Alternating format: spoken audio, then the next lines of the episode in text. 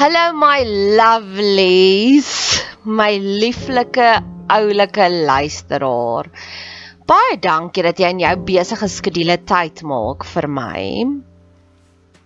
As jy meer inligting wil hê, gaan soek my op Bet Seber op Facebook, TikTok, Instagram, maak kontak as jy wil.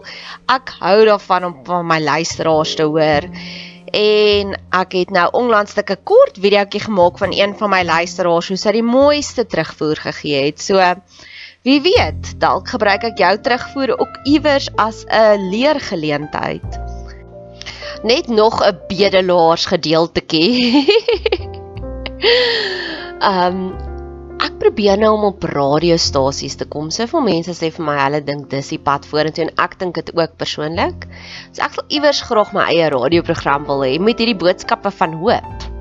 So luister hierna en as jy voel meer mense moet dalk hiervan hoor, ehm um, ag, doen my 'n guns en stuur dit vir 'n radiostasie. Sê jy luister na hierdie podcast of potgooi en dit inspireer jou so en jy dink ek sal 'n aanwins wees vir hulle. Ek sien Pretoria gebaseer, so as dit 'n Pretoria Gauteng se radiostasie is, nog beter.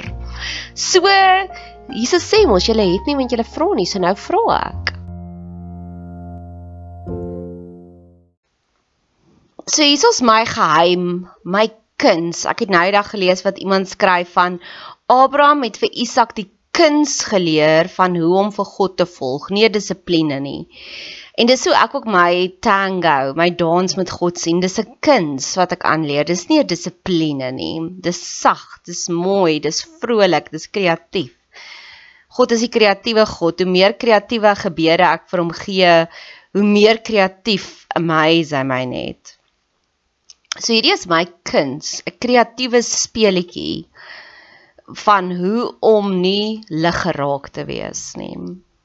Ek het 'n skoons, ek het twee skoons. Hier's nou die een is 'n engel en die ander een is 'n teaching school. Sy's 'n leerskool vir my. Al die dinge wat ek nie wil wees in hierdie wêreld nie. En haar wêreld is verskriklik klein. Baie baie klein. Jy kan sien as iemand se wêreld klein is. Hulle maak 'n groot bohaai. Soos hy eendag het sy vir my 'n WhatsApp gestuur. Nadia, ek weet my honde face jou nie, maar hulle is oulik en ons is lief vir hulle. Ek is is Great. As jy liefde gevind het, is ek bly. Ek hoef jou nie aan te cheer nie. Great. Awesome. Ek het vir haar hartjie teruggestuur. Sy het 'n klein wêreld want sy hou nog steeds offenses van 'n brief wat ek vir haar geskryf het seker omtrent 6 jaar terug en dit was 'n mooi brief. Dit was eers 'n lelike brief nie. Want haar wêreld bestaan net uit haar en hierso is regtig ook die hiërargie sien haar honde, dan haar man. Ja, haar ouers is haar slawe dink ek. En dan Ja, so hier en daar sal sy iets post van 'n sekondêre brek. Soos ja, ek se mondhygiënis, soos ek nou 'n foto post van kyk, my een pasiënt se tande was skoon. Wat wat moet my familie daaroor doen? Dis nie ek wat cute was nie, is my pasiënt. En dis nou net 'n hipotetiese voorbeeld.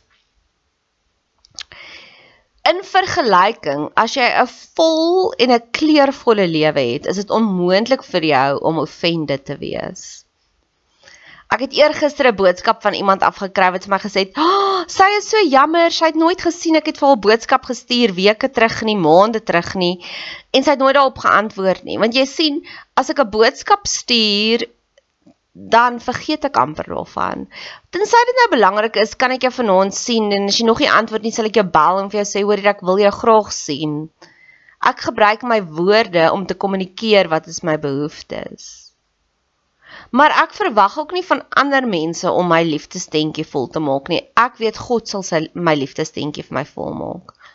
Ek is nou besig hier om deur Genesis te werk en in Genesis 30 kom Rachel by Jakob en sê: "Ooh, jy's 'n crappy man, want ek het nog nie 'n kind nie." En dan antwoord hy: "Wil jy hê ek moet God speel?" En keer op keer sal ek dit vir die Here gaan sê, dan sê ek: "Here, hierdie persoon eis nou baie van my." Hulle wil hê ek moet u God tentjie volmaak binne in hulle want dis onrealistiese verwagtinge wat hierdie persoon het vir my. So dan surrender ek net daai persoon terug in God se hande. En die cuteste ding, hierdie is my nuutste aanpasbaarheidsmeganisme, is iemand sal iets vir my stuur soos dit letterlik vanoggend gebeur waar iemand soos aandag by my gesoek het en ek het net vir hulle bid handjies teruggestuur maar wat hulle bes, nie besef nie is my bid handjies is Here vul u hele liefdestentjie op ek dit is above my pay grade. Dis nie waarop ek wil fokus vandag nie. Ek sit hulle net so weer terug in die Here se hande. Want as jy nie offended is nie, is die wêreld gorgeous. Verlede jaar Kersfees was daar so klein bietjie van 'n 'n situasie tussen my en 'n vriendin. Ons het saam gekommit om saam 'n slaai te maak en ek het soos entoesiasties 'n paar dae voor die tyd vir haar gesê, "Wil jy saam my gaan? Dan gaan doen ons saam die inkopies, dan gaan drink ons gou 'n wyntjie en dan maak ons 'n hele event daar uit." En sy was vol verskonings en ek het vir myself gesê, "Goed, so al wat jy nou kan doen is jy kan self die inkopies gaan doen." En daarna het sy na die tyd vir my jammer gesê, sy weet sy was verkeerd. Maar al wat ek kon doen is ek kon self die inkopies doen. En as ek nou terugreflekteer na daardie periode in my lewe in, alhoewel sy 'n afwesige vriendin was op daardie stadium, het ek soveel ander pragtige vriendinne gehad wat so teenwoordig was dat haar leemte het nie vir my sin gemaak, saak gemaak nie. Mense gaan stil raak. Mense gaan in hulle grotte wegkruip. Mense gaan jou verwerp, nie omdat jy 'n bad mens is nie, maar omdat hulle self ter hulle eie struggles werk.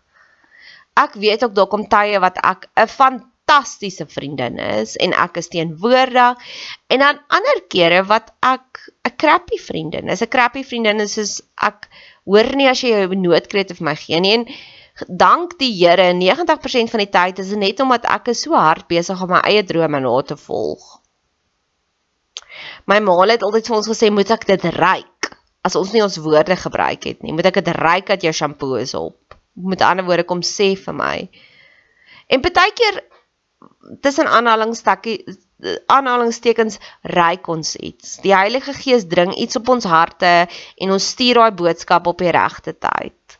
Maar dit gebeur nie baie nie. 90% van die tyd is ek in my persoonlike gebedstyd so besig om met die Here te gesels oor die dinge wat nou voor my is, dat ek vergeet amper van jou. Want op die einde van die dag gaan ons verantwoordelikheid gee vir dit wat ons hier bereik het op die aarde. So ek vat daardie uitnodiging baie intens op. So die geheim vir my intussen om lig geraak te wees of nie lig geraak nie is dis alles jou verantwoordelikheid. As jy soveel mense het wat jou liefdesdentjie kom volmaak, gaan jy nie ontsteld wees oor die een wat jou wat jou ja, teleurstel oor 'n slaai vir 'n Kersfeesete nie. Ek dink daaraan aan bytjies en ek moet eintlik daai dat ek sommer nou 'n nota maak daarby bye navorsing dat 'n by gaan haal verskillende nektar by soveel verskillende blomme en dit stel hom dan in staat om heuning te maak. En dis hoe ek my lewe sien. Ek het soveel verskillende blomme by wie ek my heuning kan kry. Ja, as ek die moeite doen, hierdie het Sondag gebeur. Ek het Sondag met my Karel gaan kuier en hy bly nogals ver van my af. En ek het ver oggend toe deur my stats gaan, ek love stats. So later deur die dag gaan ek stats navorsing doen om nog meer stats op te stel van die dinge wat my hart prikkel soos hoe die son sak en die son opkom en hoe die dae langer word en so aan. Maar ek's 'n bietjie onkundig daaroor. En ek het ver gery agter hom af En net voordat ek gery het, nou dit was nie sy probleem nie. Hy het nie geweet daarvan nie. Het 'n vriendin vir my boodskap gestuur, "Wil jy gaan stap?" En ek het gesê, "Nee, ek kan nie. Ek gaan nou ry na my Karel toe." En ek het vroeg die oggend ek met hom gepraat en ek het geweet hy dingetjies op sy to-do lysie. Toe sê ek vir hom, "Hoe laat gaan jy klaar wees?" En hy het gesê 10:00 en ek het 9:00 hier gery om 10:00 by hom te wees om die dag saam met hom te geniet. En toe ek daar aankom, toe hy nog in sy pyjamas. En hy sê, "O, ek het nog niks gedoen nie." En ek is soos, "Okay." Dis okay, dis okay. Ek het jou die hele week nie gesien nie. Ek verlang te veel na jou. Gaan doen gaga jou dingetjies klaar want as ek en jy eers gaan begin sit en chat en kuier, gaan jy nooit by dit uitkom nie. En ek wil nie hê jy moet die hele week nou loop in stres want jy het nooit dit gedoen wat jy wou gedoen het nie. Ek gee genoeg vir jou om. En toe verdwyn hy in sy motorhuis en ek het toe nou audio teachings gehad wat ek wanneer wou luister. En toe word 1 uur, 2 ure, 2 ure word 3 ure. Nou tussen uur 2 en 3 het ek nou al begin nak. Dan gaan ek in die motorhuis en dan sê ek vir hom, "Kan ek vir jou iets bring vanuit die huis uit?" En hy het die eerste keer gesê, "Glas Coke asseblief." En Dit ek kyk vir hom vat, sê ek vir hom, "Is jy al amper klaar?" Nee, hy het nog dit en dit en en toe by uur 3 toe gaan ek weet as ek, "Is jy nou al amper klaar?" Toe sê hy, "Nee, hy moet nog dit doen en dit doen." En vanoggend toe kon ek sien hoe val my emotional battery op daai stadium van Sondagoggend of Sondagmiddag. En ek moet op erken, op 'n stadium was ek geïrriteerd met hom want dan voel ek, oh, as ek geweet het jy gaan nou so Hanna Hanna, kon ek eers gaan stap het en myself geniet het en so aandag gekry het en dan na jou toe gery het. So hy het nie sy woorde gebruik om met my te kommunikeer nie, maar gelukkig ek het toe gebid daaroor, toe sê ek, Here, ek wil nie emosioneel raak hieroor nie. En ek okay, maar ek wil gou gestil staan by daai emosionele punt. Ek het gister 'n onderhoud gevoer met kom ons sê die Rambo van Suid-Afrika. Ek gaan sy naam beskerm. En een van die dinge wat hy vir my gesê het, toe sê hy vir my, hy raak emosioneel as hy dieremishandeling sien. So hy kyk na niks dieremishandeling video's nie want dit ontstaan net. Toe sê hy vir my, alle slegte besluite is emosionele besluite. En ek het daar gaan stil staan, toe besef ek ja, dis die waarheid, dis triggers. Soos ek raak getrigger as ek dinge moet geld moet betaal vir my kar, dan s'ek sommer heeltemal omgealie, maar ek weet die Here is nou op 'n PTSD genesingsreis in my. En ja, so ek het in daai oomblik het ek besef ek gaan nie emosioneel optree nie. Ek gaan nie vir die duiwel 'n vatra plek gee nie en ek het gebid daaroor en na 4 ure het hy teruggekom in die huis en toe, toe kom sy eers langs hy sê van oh, kan ek nou begin praat? Want ek hou van aandag. En toe sê hy nee ek wil eers gaan stort. Dis ek is okay gaan stort. En toe hy terugkom toe kom gee vir my al die aandag in die wêreld. En toe sê hy ook vir my ek het agtergekom ek moet nou vinnig maak en ek kon net niks regkry in die motorhuis nie. En ek het gesê toe sê ek vir hom ja dis hoekom ek heeltyd uitgegaan het en gesê is jy klaar is jy klaar? Want ek het na jou verlang Toe sê hy dit opgetel en toe raak hy frustreerd, maar dit was vir hom so lekker toe hy inkom en hy sien maar ek is nie eintlik geïrriteerd met hom nie. Hy sê hy kon voel ek het na hom verlang en dit was hom lekker want ek het hom omhels en maar daar was nie 'n negatiewe effek nie. Dis alle eer na die Here toe. En later daai middag toe sê hy vir my hy was eintlik so 'n bietjie dalk in twisty en hy het gesukkel om uit die bed uit op te staan. En dis hoekom toe ek daar aankom, toe sy nog in sy pyjamas want hy het gaan na Hanna Hanna. En hy sê maar die heeltyd was jy net so nice met my. En dit het hom gemaak dat hy alles kon klaarmaak. En omdat hy alles klaar gemaak het, het hy homself meer geniet om by my te wees. En ons het diep gesprekke gehad later daai middag. Ja, so dis hoe jy nie offended raak deur mense nie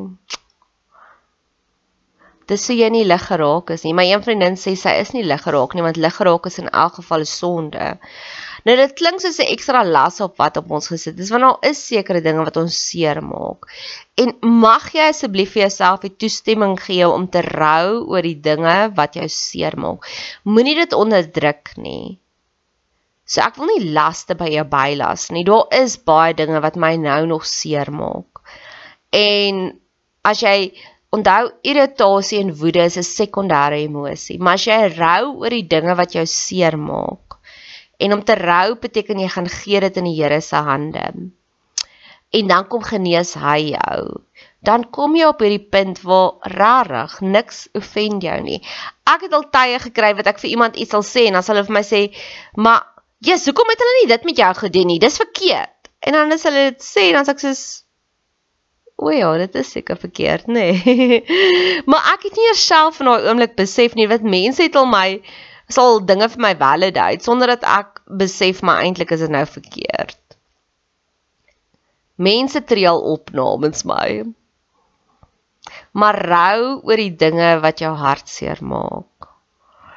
Ek het um weer eens met die Rambo van Suid-Afrika gister het hy dit het gevoel asof hy my joernaal gelees het en hy het dit gevalideer. Nou hy werk met kriminele breine. En toe sê hy vir my sy eerste advies was hy raak so kwaad wanneer ouers verkeerde besluite maak. Hulle trou met mekaar oor die verkeerde redes en is daar soveel konflik en dan spoel dit af op die kroos en dan daai kroos draai dan uit om kriminele meesterbreine te wees. En ek het hierdie gesprek twee keer gevoer in hierdie week wanneer mense oor die lyn getrap het en dan forceer almal hulle om te trou en daar's al soveel konflik en die kinders ly daaronder. En hier kom validate hy dit. En dis omdat ek dit vir die Here gegee het, dat ek gesê het Here, ek voel hartseer daaroor. En die oomblik as iemand jou jou pyn validate, dan voel dit soos okay. Hulle sê ook mens kan kwaad raak daaroor en dan is dit okay. En dis waar daai holy anger inkom.